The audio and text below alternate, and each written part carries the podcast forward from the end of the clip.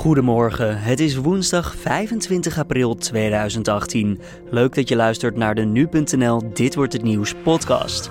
Mijn naam is Julian Dom en deze ochtend hebben we het over het natuurgebied de Oostvaardersplassen. Maar we hebben de afgelopen jaren is uh, ja, dat geweldig mooie landschap uh, omgevormd tot één troosteloze vlakte.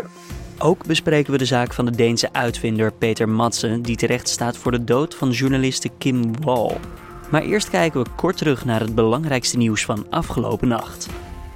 Minister Erik Wiebes van Economische Zaken heeft de memo's over het afschaffen van de dividendbelasting zelf geschreven toen hij nog staatssecretaris van Financiën was. De VVD'er stelde eerder niets te weten over dergelijke memo's. Ook premier Rutte en de fractievoorzitters van de coalitiepartijen CDA, ChristenUnie en D66 zeiden niets te weten van de memo's. Rutte heeft ondertussen toegegeven dat de documenten zijn gebruikt tijdens de regeringsonderhandelingen. Vanmiddag vanaf drie uur volgt een debat over de kwestie. Afgelopen jaar zijn meer fietsers dan automobilisten omgekomen door verkeersongevallen. Het gaat om 206 fietsers en 201 automobilisten. Dat blijkt uit cijfers van het Centraal Bureau voor de Statistiek.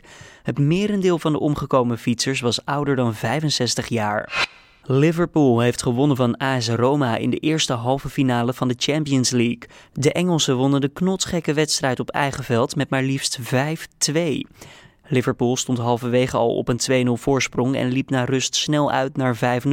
Tegen het eind van de wedstrijd wist AS Roma toch nog twee doelpunten te scoren. En volgende week woensdag is de return in Italië. Door een brand bij een illegale oliebron in het Indonesische Aceh zijn woensdag mogelijk tot 10 mensen om het leven gekomen. Volgens rampenbestrijders is het lassen van pijpen waarschijnlijk de oorzaak van het vuur geweest. Vonken zouden zijn overgeslagen op de olievelden. Nou, dan kijken we naar de nieuwsagenda van deze woensdag 25 april. De commissie van Geel presenteert vandaag haar rapport over de toekomst van de Oostvaardersplassen. De provincie Flevoland had opdracht gegeven voor het rapport. Het gaat om advies over het beheer van de grote grazers in het natuurpark. Een onderwerp waar de laatste weken veel over te doen is geweest. We praten hierover met hoogleraar natuurbeheer Frank Berendsen. Ja, meneer Berendsen, het advies had al in december gepresenteerd moeten worden. Waarom is het al die tijd eigenlijk uitgesteld? Ja, ik kan me dat uitstel heel goed uh, voorstellen. Uh, op basis van de, de, ja, de, sterk opgelopen maatschappelijke emoties die we de afgelopen maanden hebben zien plaatsvinden. En ook uh, vanwege het feit dat de, de, cijfers over de sterfte, de dramatische sterfte die deze winter heeft plaatsgevonden, slechts zeer recent zijn, beschikbaar zijn gekomen. Ja, het gaat om 3000 grote grazers die zijn overleden. Hoe was de situatie eigenlijk eerst in de Oostvaardersplassen? Nou ja, het moerasgedeel is altijd een uh, schitterend natuurgebied uh, geweest en is dat nog steeds met een grote rijkdom aan, aan vogelsoorten. En dat was ook zo in het uh, droge deel van, de, van de Oostvaardersplassen, de, de randzone. Daar was in het verleden, en dan heb ik het over begin begin eind jaren negentig. met een grote schakering aan verschillende soorten begroeien. Met wilgenbosjes, met struweel, met, met, met, met rietland en ruigte. Mm. En daar ja, daar, daar, was gewoon ook een grote rijkdom aan vogels uh, aanwezig. Veel nachtegalen uh, bijvoorbeeld. Maar we hebben de afgelopen jaren is uh, ja, dat geweldig mooie landschap omgevormd tot één troosteloze vlakte. Waar al die bijzondere vogels zijn verdwenen. Er zijn 31 vogelsoorten verdwenen. Dus daar heeft een dramatische ontwikkeling plaatsgevonden. U heeft zelf ook advies uitgebracht aan de commissie van Geel. wat was uw advies? Mijn advies is geweest om het aantal dieren aanzienlijk terug te brengen. En wel tot het eh, niveau van 20, 25 jaar eh, geleden. En dan praten we over enkele honderden uh, dieren. En dat heeft het grote voordeel dat dan de vegetatie in dat droge deel daar heel snel op uh, zal reageren. Dat weer dat uh, oorspronkelijke landschap met die grote schakering en die hele rijke vogelwereld zich zal herstellen. Mm -hmm. Dat heeft ook als belangrijk positief gevolg dat ja, die geweldige aantallen grauwe ganzen die nu door die uitgestrekte gras graslanden uh, sterk worden dat dat aantal wat zal dalen. En dat, heeft belang, dat is met name belangrijk voor het moeras, omdat het dat, omdat het moeras op dit moment toch wel erg te lijden heeft onder die geweldige ganzenvraat.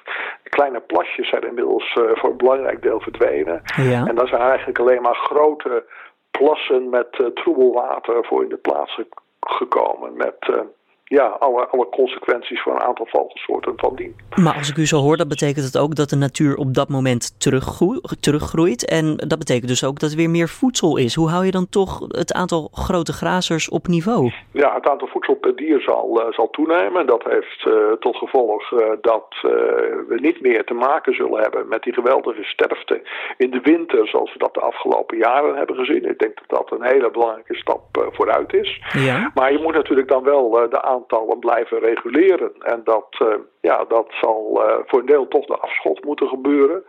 En voor een ander deel hoop ik dat je ook gewoon dieren kunt, uh, kunt afvangen. Afvangen, en, wat betekent dat? Nou, wegvangen door ze in een kraal te drijven uh, bijvoorbeeld. Er zijn een aantal uh, manieren om dat uh, te doen. Staatsbosbeheer is een zeer professionele organisatie die daar heel goed toe in staat is.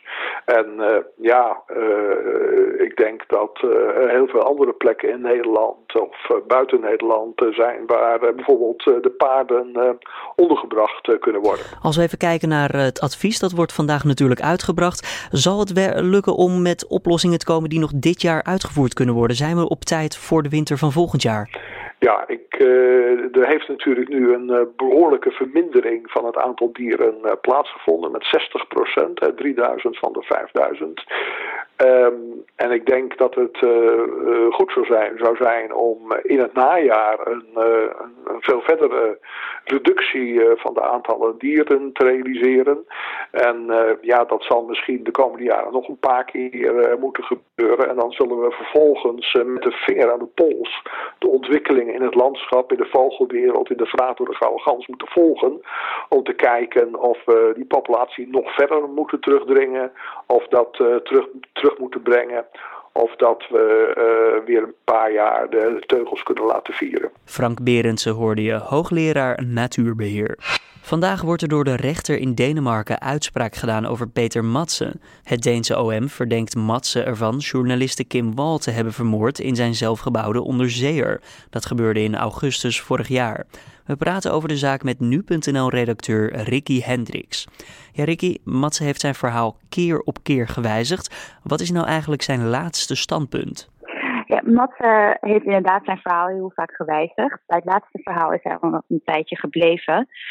Uh, hij beweert nog steeds niets te maken te hebben met de dood van Wal. Mm Wel zegt hij uh, dat hij inderdaad nadat Wal is omgekomen door een koolmonoxidevergiftiging aan boord, dat hij haar lichaam in stukken heeft gehakt en dat vervolgens in zee heeft gegooid.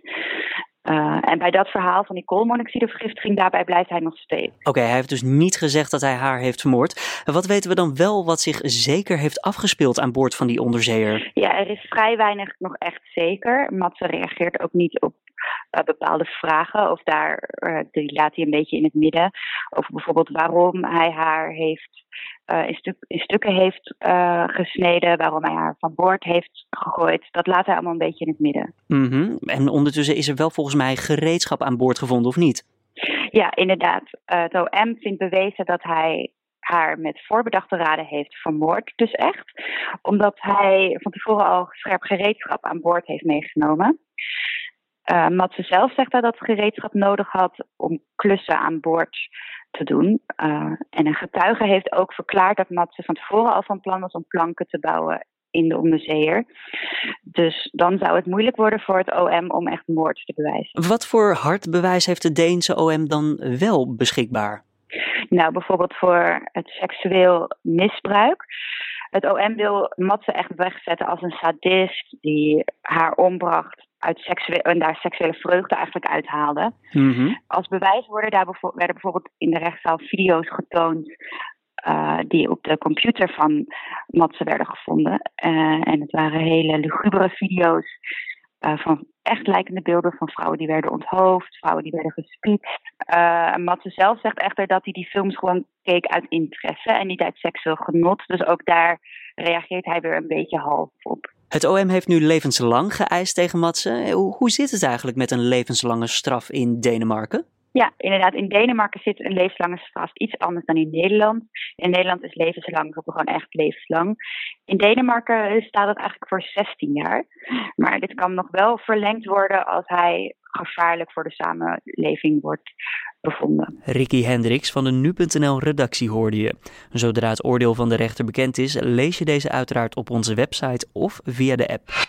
De dader van de dodelijke aanslag met een bestelbusje in het Canadese Toronto afgelopen maandag verschijnt voor de rechter. Bij de aanslag vielen tien doden. De man werd direct na zijn daad gearresteerd. Over het motief van de dader is nog niets bekend. Hij was geen bekende van de politie. Een 75-jarige man moet voor de rechter verschijnen voor het stiekem filmen van vrouwen op het toilet van het stadhuis in Vlissingen. De camera's waarmee de man de vrouwen filmde werden per toeval ontdekt. De man was in dienst van de gemeente en werd per direct geschorst. Bayern München speelt vanavond tegen Real Madrid in de heenwedstrijd van de halve finale van de Champions League. Arjen Robben jaagt met Bayern tegen zijn voormalige club op een eerste finale plaats in vijf jaar, terwijl Real Madrid de afgelopen vier jaar drie keer de Champions League heeft gewonnen. Het duel in de Allianz Arena begint om kwart voor negen. Dan kijken we nog eventjes naar het mediaoverzicht van deze woensdag. Minister Ferdinand Grapperhaus van Justitie waarschuwt voor het gebruik van cocaïne, omdat de druk veel criminaliteit met zich meebrengt. Het AD was benieuwd naar het begin van het productieproces en reisde af naar Colombia. Een journalist van de krant zag daarvan dichtbij dat drugshandel ook in Zuid-Amerika voor veel criminaliteit zorgt. De Duitse regeringspartij CSU wil in de deelstaat Bayern de controle op psychiatrische patiënten flink opschroeven. Daarover schrijft de Volkskrant. Daarom heeft de partij een voorstel ingediend. Het wetsvoorstel moet ervoor zorgen dat verwarde mensen geen aanslagen meer plegen. Ondanks het mislukken van een eerdere proef met mobiel betalen van het openbaar vervoer, start er in de zomer een nieuwe test. Dat schrijft het AD. In NS-treinen tussen Den Haag en Leiden en bij Haagse trams kan in de zomerperiode worden betaald met apparaten of pasjes met een NFC-chip. Zo kan er contactloos worden betaald en hoeven reizigers hun saldo niet meer op te laden. Dan kijken we nog even naar het weer voor deze 25ste van april. Hier en daar breekt de zon door, maar dat wordt gevolgd door stapelwolken. Daardoor kan het smiddags gaan regenen en onweren. Het blijft vanaf de middag de hele dag regenachtig en de temperatuur ligt rond de 12 tot 16 graden. En daarmee kan het fris aanvoelen. Voor het einde van deze podcast nog even nieuws over Rolling Stones zanger Mick Jagger. Die is namelijk bezig met het schrijven van nieuwe muziek. of de muziek voor hemzelf is of voor de Rolling Stones, dat zegt de zanger niet. Het laatste album van de Stones is inmiddels alweer van 2016 en dat was Blue and Lonesome. Ja, dit was dan de Dit wordt het nieuws podcast van deze woensdag 25 april. En je vindt de podcast maandag tot en met vrijdag om 6 uur ochtends op nu.nl. Vond je het een leuke podcast? Laat het aan ons weten via redactieapenstaartje nu.nl of laat een reactie achter op iTunes. Voor nu, tot morgen.